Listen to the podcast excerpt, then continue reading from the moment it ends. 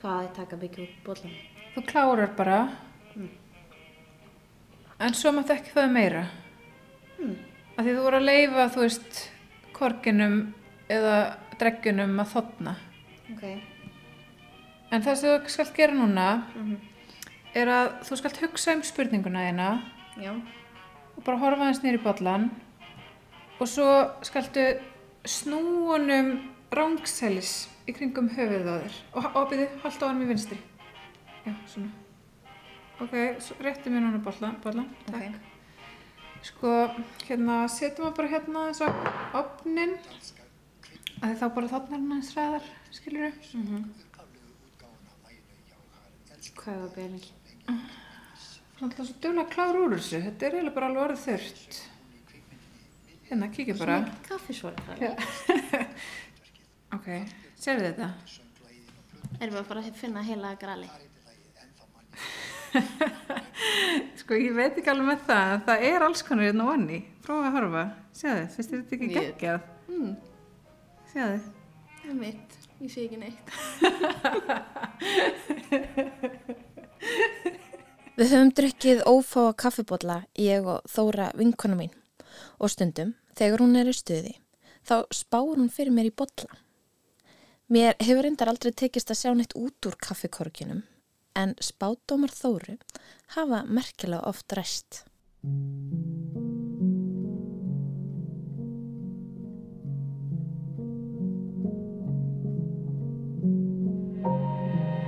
Ég heiti Halla Ólafsdóttir og með mér er Þóra Hjörleifsdóttir. Þú ert að hlusta á leitina, þriðja þátt. Hjálp að handan.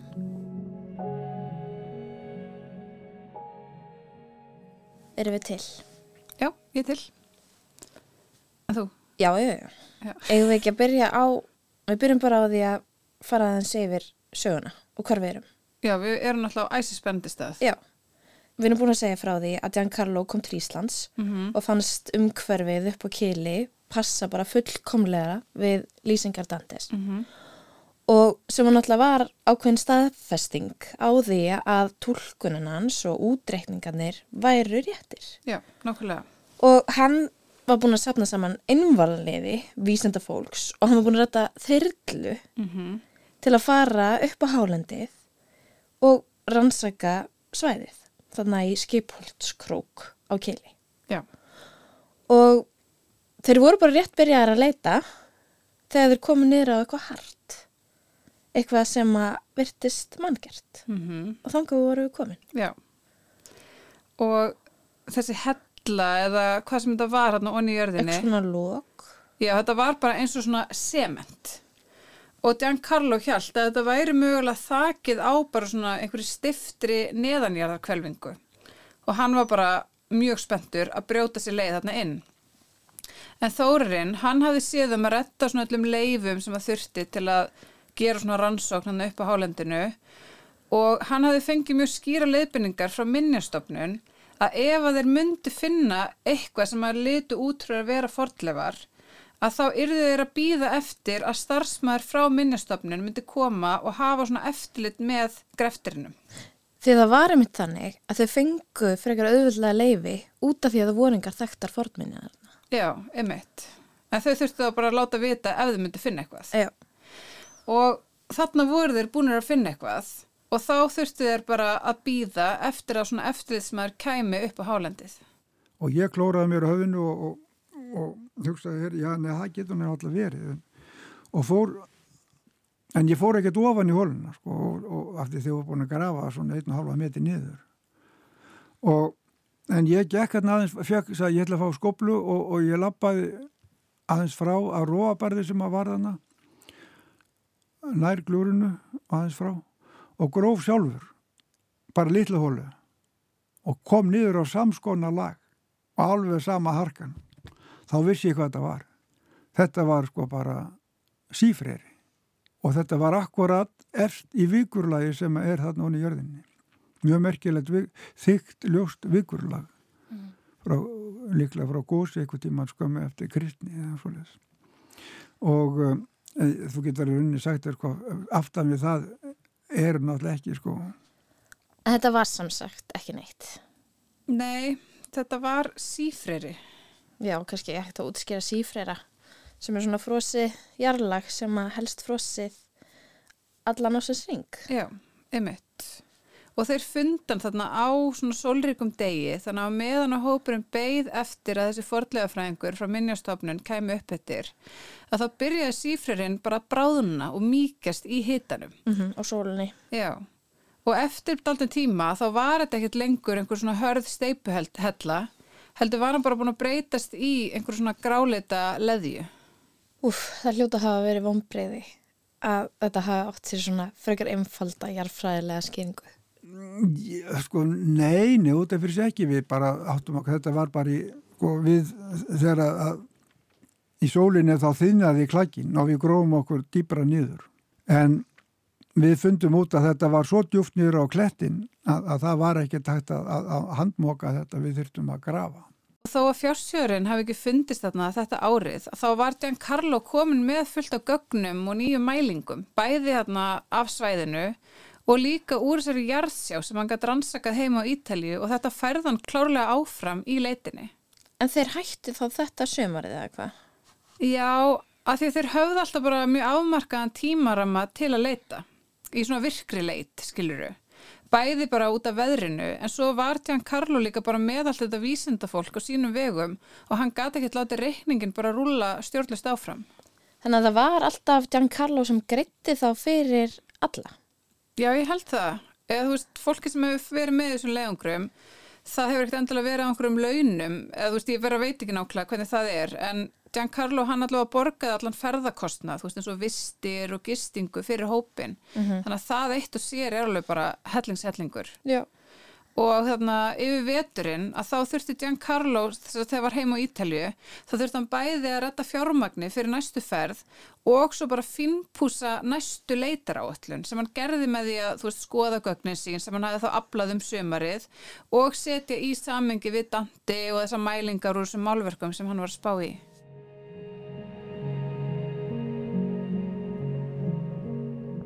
When I came here in 2004 and in 15 minutes found the amphitheater, in my ingenuity said, well, in a couple of years this one is done. Já. Instead it was very, very difficult. Þegar Giancarlo kom til Íslands í fyrsta sinn, þá fann hann strax á fyrstu 15 mínútonum ringleikahúsið í klettunum. Innsæð sagði honum að á næstu tveimur árum mynd hann klára þetta verkefni. En það reyndist erfiðar en hann hjælti í fyrstu. Á hverju ári fann hann fleiri vísbendingar sem rendu stóðum undir kenningu hans. Hann fann steina sem virtust vera úthognir og í klettunum við jökulána sá hann form sem hann taldi að væri manngerð. En ekki það sem hann var að leitað. Hann vonast til að jarðsjá myndi hjálpa til við leitina. En svæðið er stórt og hann sá að það var mikilvægt að finna nákvæmlega hvar ætti að staðsetja jarðsjána. You must find the point. When you have the point you can use radar. Giancarlo var sannferður um að með hverju Íslandsferðinni að þá væri hann alltaf að færast nær þessu markmiði sínu. Og það er líka bara einhver rosalega orka þarna upp á kili. Og hann sá í klettunum alls konar form sem ha hann telur að hafi verið hoggin út. Og hann segir að þetta hafi verið svona eins og svona vörður á leiðinni fyrir þann sem hefur verið að rannsaka Dante og rannsaka málverkin sem að segja bara þú ert á réttum stað, þetta er hér og þetta voru svona útlínur þú veist, sem voru svona hognar út sem voru þá af kannski svona hjálmi og svo var eitthvað ljónshöfuð og meira að segja prófill Jésu Krist eða svona vangasvipur náðunum Mm. Hefur þið séð það? já, Og er þetta augljóst? Eða er þetta jafn augljóst fyrir þér og þetta er fyrir hún? sko, hann síndi mér þetta hann eitt sömarið og, og þetta eru svona myndir sem að blasa kannski ekkit viðmanni þegar maður horfir á klettana en að maður gerir bara eins og bubbi og rýnir í bergið að þá, að þá byrtast þær þetta er svona pínast þegar maður horfir á svona þrývítar gátumyndir En finnur maður svo ekki bara það sem maður er að leita að? Ef maður er í ákveðin í því að sjá eitthvað, það sér maður það ekki. Þú veist, þetta er svolítið eins og að það er fólk sem horfir á skíin og sér bara heilu skíjaborginnar og ævintýrin og svo eru bara aðri sem sjá ekki neitt. Já, sko, grjót er samt ekki ský. Þú veist að þetta er alveg svona konkrétt línur og munstur sem maður getur séð en ég meina, Og náttúrulega breytist ekki. nei, eru, þetta er óbreytanlegt, þannig lagað, en þú veist, samt, ég veit ekkert nákvæmlega halla, þú veist, þetta er það er rosa erfitt að segja til um hvort einhver hafi komið upp á kjöl og hoggið út prófílmynd af Jésu Kristi í margra metra hátt bjarg þar sem að bara eitthvað svona beljandi jökul á hamast undir á 13. eða 14. öld. Já, en þú veist, Jan Karlo trúir þessu og þegar maður hefur séð þessar útlínur í klettanum að þá hætti maður ekki sjá þær En eins og bara eftirlitsmenn minnjastofnunar. Já, Er þetta eitthvað sem að, að, þeir eru að pæla í líka og, og í fyrsta lagi er þetta eitthvað sem þeir sjá líka?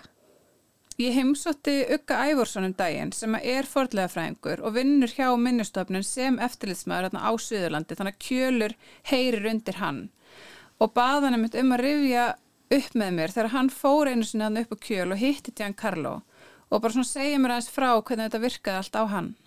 Það er gaman að tala við menn sem eru svona fullir af hugmyndum og, og, og, og eldmóði og áhuga og það er svolítið magnað að koma onni í þetta sem hann kallaði amfiteater, það var það eins og jarðfall við á.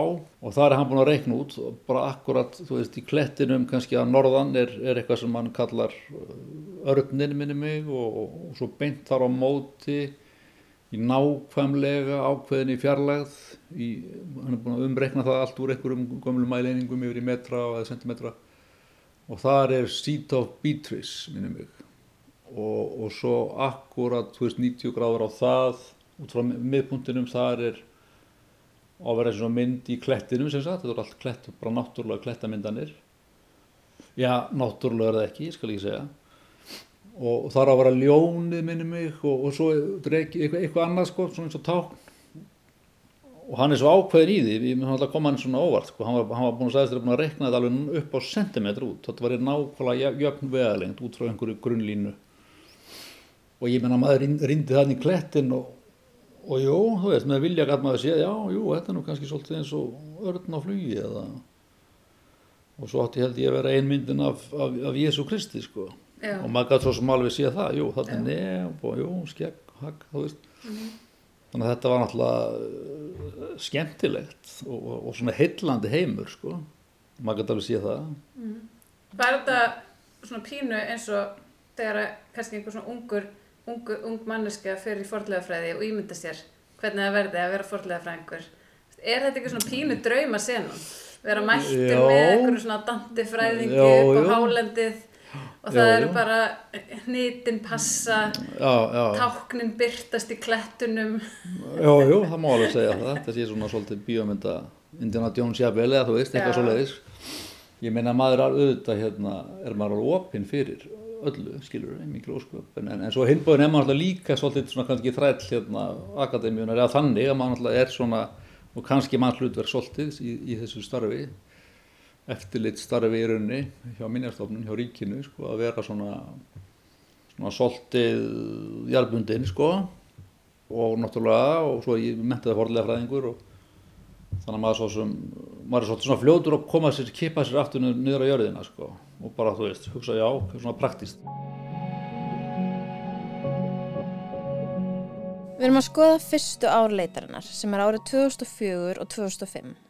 Þeir finna sem sagt alls konar en þeir finna ekki heilaga gralið. Nei, ekki svona per se, en þeim miðar vel og þannig heldur þetta áfram og þetta svæði er náttúrulega stórt sem þeir eru að rannsaka en Giancarlo, hann var búin að hólfa þetta niður þannig að hann gætt farið bara svona markvist í gegnum allt svæðið og hann vann sér bara í gegnum það jæmt og þétt og í hverri ferða þá var hann með topp vísindafólk með sér sem hjálpaði hann bæði að leita og líka bara að afla gagna. Og var sem sagt komið með nýtt plan í hverju einustu ferð. Eitthvað svona nýja útreikninga. Já, og eftir hvert sumar að þá leiðunum eins og hann myndi klára verkefnið bara í næstu ferð. Að þetta væri alltaf bara alveg að fara að koma. En við erum að, að förum einlega á hverju ári eftir 2005 og fram til 2010-11 þegar sko, við erum þá búin að rannsaka glu, sko, fyrst þarna upp á svo fyrir voni glúfrið, þar eru klettar mjög háaverðir og við rannsökum þá ítalega Þeir notuðu alls konar aðferðir og verkferði við leitina og þetta var alveg frekar mikið mál. Sérstaklega að nota þessa jarðsjá sem við hefum nefnt. Og eitt árið og þá sótti Þórurinn um leifi hjá hrunamannarreppi til að fá að grafa 5 metrar langan skurð til að geta svona rent jarðsjáni eftir og þannig kortlagt undirlag jarðarinnar á svolítið svona stóru svæði. Já, einmitt. Þegar leitin komst í fréttinnar og þú komst að því hvað þórarinn frendin væri búin að vera stúsast í öllu sár. Já, einmitt. Og þetta var einmitt svona það sem að kom mér að stað í að setja mig inn í þessa leit. En Þórarinn, hann sagði mér frá því, þú veist, með allt, með allt þetta sveitastjórnafólk og það dæmi, að sveitastjórnin hefði bara mætt þarna upp á kjöl og þau hefði bara tekið með sér tjaldstóla og tilt sér þarna á hólubarmin og fylst með þeim þegar þau voru að vinna. Og ég skil ókslega vel þetta sveitastjórnafólk að það hafi verið forvitið af því þetta er frekar mikið öðruvísi heldur en að þau eru að fást við svona dagstælega. Já, náttúrulega líka bara stórmál ef að heila gralið leynist í hrunumannarreppi. Já, heldur betur. Og hérna, þú veist, hérna fara árin samt að líða svolítið hratt í sögunni. Af því að, þú veist, þeir eru að koma þarna bara sömur eftir sömur eftir sömur og Giancarlo hann hugsa alltaf bara, þú vantar bara smá upp á, bara un poco, un poco, þetta er að koma. En hérna, Þannig að þetta er þá frá árunum 2004-2005 til... 2010. Ok. Mm En eftir því sem að tími leið og þeir fóru svona að kynnast svæðinu betur og læra meira inn á það að þá fór veginn að efast alltaf meira og meira um að þetta geti verið einhver alvöru félustæður. og það er þá sem að ég er einlega alveg farin að hrista höfið yfir þessu sko og segja sko, nei það er ekki tjena, þetta bara er ekki rétti staðurinn fyrir svona bara uh, þetta glúfur fyllist að snjó og það bráðnar á hverju voru og klettarnir eru allir klossbrúnir og bara þú felur ekkert inn í svona Leitin fram til ásins 2010 fór fram á mjög afmörkuðu svæði sem var hérna í glúfrinu með frá mjögulónni og í klettunum sem við hefum kallað svona ringleikahúsið eða ampiteaterið. Já. En ég er bara jákvæður og er stið Giancarlo og, og við förum þarna ár eftir ár. En svo eh, eftir 2010 þá er alveg hlið hjá okkur og, og því að við erum eiginlega átt okkar á því að, að þetta er ekki þarna. En sko staðurinn, hann er alltaf að gefa okkur vísbendingur um að, að við erum að réttum stað. Ok, þeir eru greinilega ekki að leita á réttum stað. Nei, eða þú veist, nei, örglega ekki. En stundum, þegar maður er búin að vera að vinna lengi að sama verkefninu, að þá getur maður líka bara orðið svolítið samdurnaði.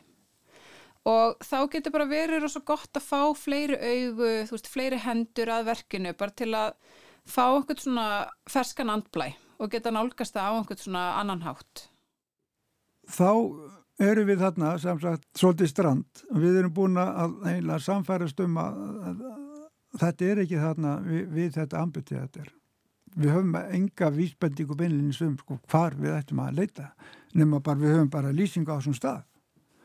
Og þá er það að til okkar kemur taldið merkjulegu maður sem að englendingur tónlistamæður, tónskáld og svona sjáandi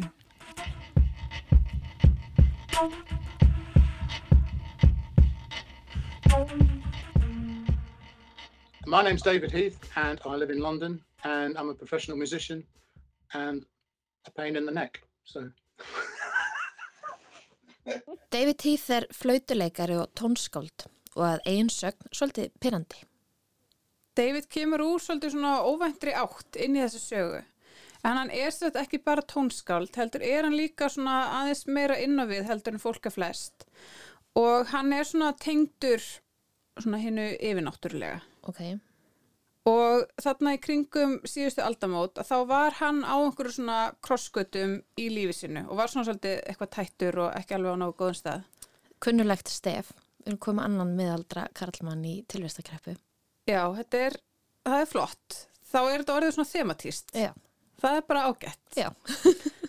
En allavega um þetta leiti, hann um aldamótin, að þá fór David að venja komu sínar til miðils sem sagði hann til dæmis frá hans fyrir lífum. Supposed to been um, a cathol. You see, the thing was, when I was writing music, I was getting in a psychic state. Miðlinn sagði David að hann hefði verið katari í fyrralífi og hann hefði verið brendur lifandi. Áður en David kynntist miðlinum þá hafði hann oft séð sínir þegar hann satt við tónsmíðar og þá sérstaklega fannst honum sem allt logaði í kringum sig. Þetta voru því raun leiftur úr hans fyrra lífi og miðlinn sagði David að hann ætti ekki vera hrættu við að kanna þessa forti. Því það var greinilega eitthvað mikið óuppgert. What was actually happening is I was having sort of past life experiences, but I didn't know what they were. Og David, hann fór að svona reyna að greiða úr þessum fyrralífsflækjum í samstarfi með miðlinum. En á, á meðan þessum heitingu stóð, að þá var hann líka stundum að spyrja miðlin út í alls konar svona forna ráðgátur sem hann hafði áhuga á. Eins og hvað? Uh, sko það sem stendur sérstaklega uppur hjá David var þegar hann spurði miðlin hvar fyrirmyndin að bakgrunninum á málverkinu af Mónu Lísu væri. Af því að hann hafði svona verið að stúdira ráðgátuna í kringum Mónu Lísu í daldinn tíma og þegar hann horfði á myndina að þá fannst honum eins og hún væri ekkert stött í einhverju söður evróskri sveit og hann var svona svolítið hugsi yfir auðninni og þessum dimmu og dölarfulli fjöllum sem eru þarna fyrir aftan Lísu. What's the background to the Mona Lisa? And she said, um, it's Iceland. And I sort of thought, I mean, I was laughing. I was just going, Iceland, what the heck? And she said, there's a man on a similar quest. And Miðlinn sagði David að bakgrunnurinn væri í raun á Íslandi. Og svo sagði miðlinn honum að það væri annar maður á svipaðri vekkferð og hann. a man with two G's in his name and he's Italian, you know. Miðlinn sagði David að hann yrði að finna Ítalan og hjálp honum. Og David þurfti ekki að grúska lengi á netinu til að finna þennan umræta Ítala með GN2. And sure enough, you know, I looked on the internet. It's not very difficult to find Giancarlo Giannazza, an Italian looking for the Holy Grail in Iceland. Og David velti í fyrir sér hvernig ósköpunum hann ætti að nálgast Giancarlo. En hann ákvað þó að endanum að láta slag standa og hringdi hann og sagðist hafa lesið um leitin á netinu og hann longaði til að hjálpa honum. Og Giancarlo bara bauð David að koma og hitta sig á Ítalju. Og þá sagði David honum að raunveruleg ástæði þess að hann hefði haft samband væri út af því sem að miðillin hans hefði sagt honum. Og David var alveg bara frekar stressaður yfir því hvernig þessi yfirlisti raukhyggjumæður sem að Giancarlo er myndi bregðast við þeirri yfirlýsingu. En Giancarlo bara yfti öxlum og sagði, veistu, ég bara þykk alla hjálp sem er býðst. And then, then he just said, um, well, I need all the help I can get. Og þannig fekk David Heath bóð um að fara með í næsta leiðangur upp á kjöl sömuru 2013. Það hlýtur samt að hafa verið smá flókið fyrir rauðvísindumann eins og Giancarlo að taka við aðstóð úr þessar átt. Já, örglega. En ég meina, kannski hefur Giancarlo bara hugsað að David geti allavega hjálpa til við að móka.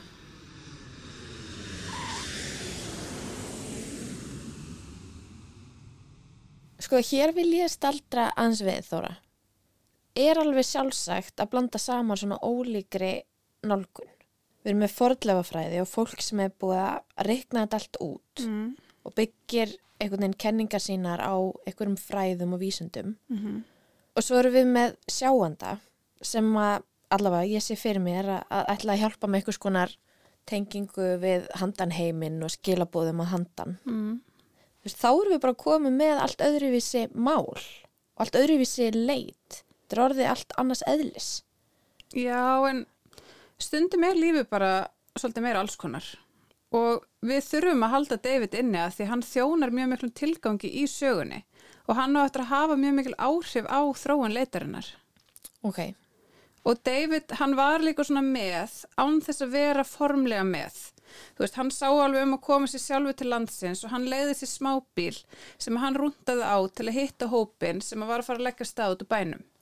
Og þá fekk hann alveg svolítið sjokk þegar hann sá þessa risa jeppa sem að leitarteimi var á. Að því að bara dekkin á sem jeppi voru stærri heldur en bílið sem að David hefði leikt. And you know what those huge jeeps are like? They came out of them, and then Giancarlo jumped out and he said, "What are you doing? Like this is." Giancarlo varaði David við.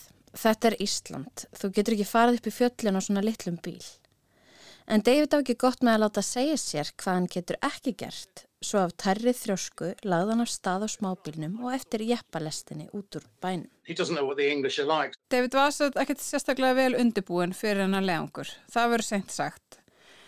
Þú veist, hann hafði ekki hugmyndum að hann þurfti að keira eftir kjálvegi sem er alveg bara frekar erfiður malavegur og er bara ætlaður fjórhjóladreifnum bílum. Þú veist, það er eiginlega bara lámark. Og þannig á þessu bílaplani þar sem hann hitti fólkið í teiminu að þá fjekk hann bara svona svolítið stert á tilfinninguna að hinir í hópnum væru bara ekkert eitthvað rosalega spenntir fyrir því að hafa eitthvað svona skignan gaur með. Nei, það er kannski ekki allra. Nei, einmitt, og David var alveg meðvitaður um þetta, þú veist, hann viss alveg að hann var að fara í leiðungur með vísindafólki sem að trúða ekkert endilega á einhver svona fyrri líf og hann fannst allir bara horfa frekar skringilega á sig þarna á þessu bílaplani og varða alveg svolítið svona sjálfsmeðvitaður. Já, en það kannski snýri samt ekki bara um að hann væri að nota af einhverjum skilabóðum að handan, þú veist, kannski líka bara snýrist það um að það var frekar augljóst að hann vissi bara ekkit út í hvað hann var að fara. Já, það var kannski ekkert síður það. Af því að þú veist þess að Þóran sagði mér að hann hefði bara haft ágræðið hvað David var illa búinn fyrir þess að ferði upp á hálendið. Og hann síndi mér einu myndir af David úr þessari ferð og þú veist á hverju einustu mynd er hann bara í einhverjum óreimum gönguskóm á stuppuksum og í gallajakka og með einhvern svona veiðihatt. Mitt. Þannig að ég held að þú veist það hefði enginn bara trúið í að þessi smábíl myndi drífa alla leið upp í kettlingafjöld. En okkur byggði hann ekki bara far ef hann var á svona lélegum bíl? Sko jepparnir voru bara fullar af tækjum og búnaði og bara mat og einhver svona dóti þannig að það var bara ekkert pláss fyrir David og hann var líka bara búin að býta í sig að þessi bíl sem hann hefði valið sér væri bara fýtt bíl og hann vildi ekki láta skipta, þú veist, láta eitthvað annað fólk skipta sér ómikið af hans plönum. Þannig að þú veist, ég veit ekki, ég held að þetta sé líka bara hluti af þessari kallakreppu sem hann var í. Okay, so I followed them, you know, and then they suddenly stopped and started letting air out of their tyres. Bílferðin gekk vel í fyrstu. Hann fylgdi jeppunum og malbygginu en fór svo að dragast aftur úr þegar þeir begðin á kjálveg. Þar stoppuði jeppanir og hleyftu loftu úr risavöksnum dekkjunum og tóku svo hratt fram úr David sem mjakaðist áfram á hólóttum og grítum veginum. Meanwhile, there's this storm coming in, right? And I could see on the distance like all this sort of like lightning and thunder. David sá hvernig óveður nálgæðist og hann sá þrjumur og eldingar í fjaska. Leðungusmenn voru langt á undan honum og klukkun orðin eitt eða tvö um nótt og hann fannst hann vera al einn í heiminum. Hann leiti kringum sig og þegar hann horfið yfir hrjóstrukt umhverfið fannst honum næstum eins og hann væri stattur á annari plánundu. And the- storm came in and then the whole car was sort of like, it was like a 150 mile an hour storm. Ég sé þetta alveg fyrir mér. Þetta hefur verið mjög dramatíst. Að vera þarna aðleitn á hálendinu, óviss um hvort hann kæmist á leiðarenda og hann hefur hossast þarna áfram á svona glataða vegi og þegar að byrja að rigna þá hefur hann bara ekkert getað séð, þú veist, út um rúðurnar því að litlu rúðurþurkarnar voru bara á fullu, skilur, og sá ekki neitt. Og hérna, og svo var náttúrulega, er símasambandi þannig að kjálvegi mjög gödótt, þannig að ef eitthvað hefði komið fyrir hann, hefði hann verið bara aðleitn og bjargalus. Smáleðilegt að eðilegja þetta fyrir þér. En mér finnst mjög ólíklegt að það hafi verið þrjumur og eldingar þessa nótt sem hann var að keira hann upp yfir. Það er náttúrulega bara mjög, mjög sjálfgæft á Íslandi að séu þrjumur og eldingar. En Þóra, Mm. ég er alveg til í að halda það minni Ok. í þessum þætti. Bara svona út af þetta hljómar dramatíska. Mm Og þetta er svona dramatísku staður sem við erum á núna. Veist, það, var, það er betri saga ef að eldingarnar eru með. And it was like sleet and rain and everything. And I just sort of sat there and I stopped the car and I just thought, oh God, I've gone completely mad, right? David sá að hann var búinn að mála sig út í hopn. Hann var aldrei að fara að ná því að keira upp á kjöl í þessum agnarsmáa bíllögubíl. Hann lísti sér sigraðan og snýri bílnum við í átti Reykjavíkur. You know what happened? I suddenly thought of the Cathars all burning to death. And I suddenly thought, well, look, I'm sitting in a warm car. All I've got to do is go over a few puddles. It's not really that difficult. So I turned the car around and I just put it in like David verð hugsað til katarana sem hefði verið ofsóttir, pyntaðir og brendir lifandi. Hvað var hann að væla? Hann sætti í hlýjum notalegum bíl og eina sem hann þurfti að gera var að koma sér yfir nokkra podla. Það geti ekki verið svo erfitt, svo hann snýri aftur við bílnum og gafi botn. Fann hvernig hann kerði á eitthvað en hjálp bara fætinum á bensingjöfinu og skoppaði bara yfir grótið og podlana alla leið upp í Kerlingafjöll, þar sem gististæður leiðungusmanna var.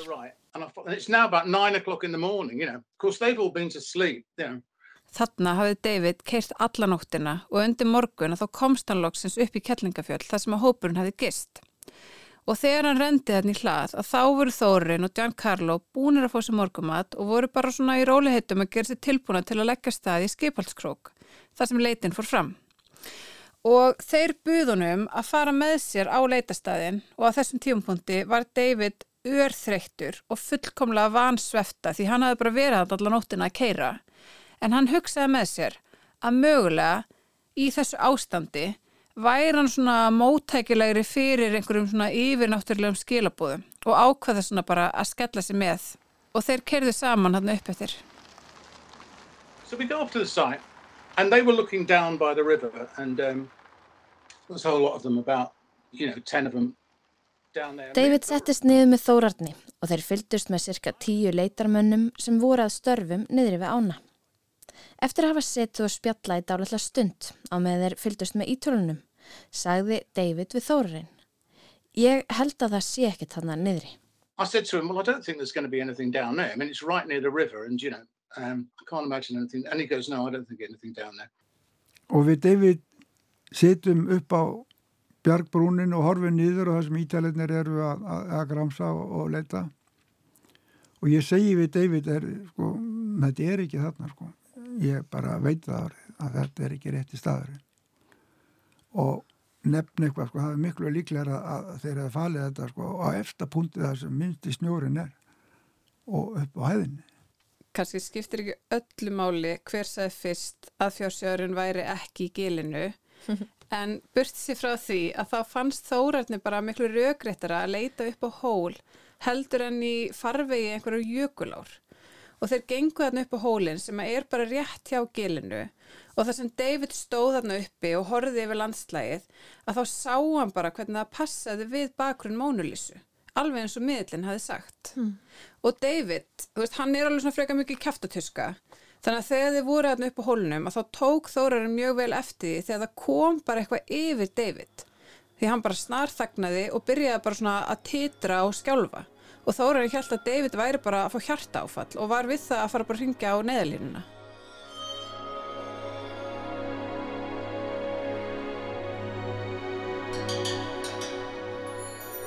I knew that I was standing on the place. This is the place, you know. And I was like, it was such an incredible psychic experience. It's like, if you can imagine hearing all of Bach's music all in about like like. En David var ekki að fá hjarta áfall, heldur segist hann hafa fengið vitrun. Hann fann mjög skýrt að það sem þeir voru að leitað var í rauninni inn í þessum hól. Hann fann það toga í sig.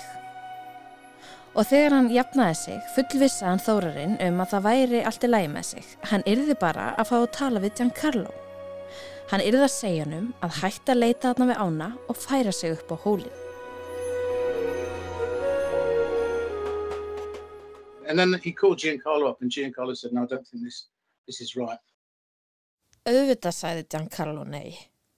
Hann er búin að nota alls konar flókna útreikninga árum saman til að finna þennan stað. Hann er ekkert að fara að breyta öllum sínum plönum og, og, og treysta á mann sem að mætir á smábíl með skilabúða handan. Sem spilaði líka undir á flautu á með þið voru að grafa Ok, nú. Nei, ekki núna. David er alltaf með flautuna á sér og hann spilaði í alvörinu undir á meðan að ítalska leitarteimið var að grafa. Og Giancarlo hefur alveg klárlega, eða ég held það, fengi alveg aldrei svona testosterónsting yfir bara þessari vútu orku sem að fylgdi David. En svo tók hann vantarlega vitrun David til greina því annars væri hann ekki hluta þessu sögu. Nákvæmlega. Að því að þegar hér var komið sögu, að þá var Giancarlo náttúrulega búin að vera að leita við þessa á í næst í áratug. Og hann var í rauninni búin að velta hverjum einasta steini og finkempa það svæði. Þannig að þarna þegar David byrtist var Giancarlo komin á ákveðna endastöð. Veist, hann hafði sleftið að koma síðan tvö sumur af því hann hafði ekki uppgötan eitt nýtt og hann var ekki með neitt plan um hvað hann ætlaði að gera næst. Og í öll þessi ár hafði Giancarlo verið að vinna með ákveðin svona leita radius þarna upp frá og hóllin sem að David benti á, hann var alveg innan þessar radiusar. En það var bara eins og Giancarlo hefði ekki tekið eftir hennum að því hann var svo upptekinn af þessu gljúfri og þessu ampi teateri. Þannig að Giancarlo sá strax að hann gati ekki útilokað að þessi hóll skipti máli. Þannig að hann tók einhverja mælingar af honum og ákvaða að skoða þetta betur. og við þetta förum við heim og, og við beinum sjónum okkar svolítið að þessari hæð svona í saminningu Sko nú erum við að lenda. Að því að hvort sem við trúum David eða ekki að þá hafði hann mjög mikil áhrif á leitina og bindinni í nýjan farveg. Að því að þeim er betur sem að Giancarlo skoðaði málið, þeim er betur sá hann að þessi hóll sem enginn hafi pælt í í allan hann tíma var svo bara afar mikilvægur og Giancarlo sagði mér einu sinni þegar við vorum hann upp á kili að eftir að hann fór að rannsaka betur þennan hól að þá hafa hann verið í sjokki yfir að hafa ekki pælt í honum fyrr Is the hill the most important things here, not the amphitheater. The amphitheater is also, is also to recognize the area. I spent 10 years. Tíu ár, smá miskilningur. Þessi hóll sem við erum að tala um er bara svona típiskur óspennandi hálendis hóll. Þannig að það er ekkert skrítið að Giancarlo hafi ekki tekið eftir hennum eða verið eitthvað að pæla í honum. Það er einhver smá gróður á honum, ekki mikill. En svona á toppnum er skærgræn fugglaþúfa sem myndast þegar svona fugglandi kúka bara rétt á toppin og þá vex svona grænt gras þar. Þannig að þegar maður horfir á hólinn úr fjarlæð að því hann er svona ávalur með hann græna brott á toppnum að þá er þetta svolítið svona eins og brjóst í læginu. Og Giancarlo, hann byrjaði að kalla þennan hól þegar það var svona rannsakan og talumann Mamella sem að þýðir brjóstið. Þannig að bæði Giancarlo og David voru vissir um að næsta sumar árið 2014 myndir loksins finna fjársjöðin. Giancarlo hafði farið yfir tölurnar og David hafði aftur farið á fund miðilsins. sem er vissulega ólík aðferðafræði. Já, en ég menna miðlinn staðfesti að þeir væru réttir leið þannig að það hjálpaði alveg. og þú veist, eftir því sem að Giancarlo kynnti sér staðin betur og þá varð hann smá saman handviss um að þessi hóll sem að David hafði bent á væri bara staðurinn með hástöfum. Og hann sá fyrir sér að núna yrði res- restin bara einföld. Af því að þetta landsvæði er svo þúsundsunum auðveldra yfirferðar heldur en að leita í einhverju jökulgljúfri. Þetta er bara miklu afmarkaðri eining. Þannig að næsta sumar þyrft hann bara að mæta með mjög góða jarsjá og ganga með frá þessum brjóstahól og taka bara svona mammogram eða óma niður í jörðina og sjá hvar fjársjóðurinn væri. Og heima á Ítalíu þá talaði hann um þessa nýju uppgötuna miklum eldmóði við vini sína og kostunraðala að því hann ætlaði að sannfara þá um að styrkja sig enn einu sinni og í þetta síðasta sinn þurfti hann enn meiri pening en hann hafði nokkuð tíman beðið um áður því hann vildi leia bestu jarðsjá í Evrópu og mæta með besta vísindafólk sem hugsa skæti og fylgja þessari rannsókn eftir og láta bara knið fylgja kviði.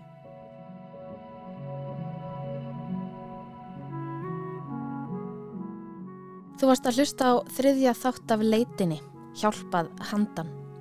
Ég heiti Halla Ólafsdóttir og með mér er Þóra Hjörlausdóttir. Í næsta þætti. They were really, really sophisticated machines. And so they were really excited that this kind of scientists were interested in the, in the, in the search.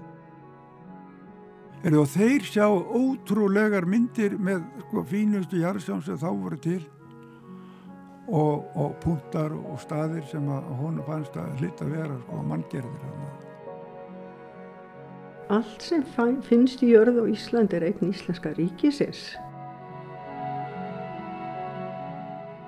Leitin er hlut af hlaðvarpi RÚF.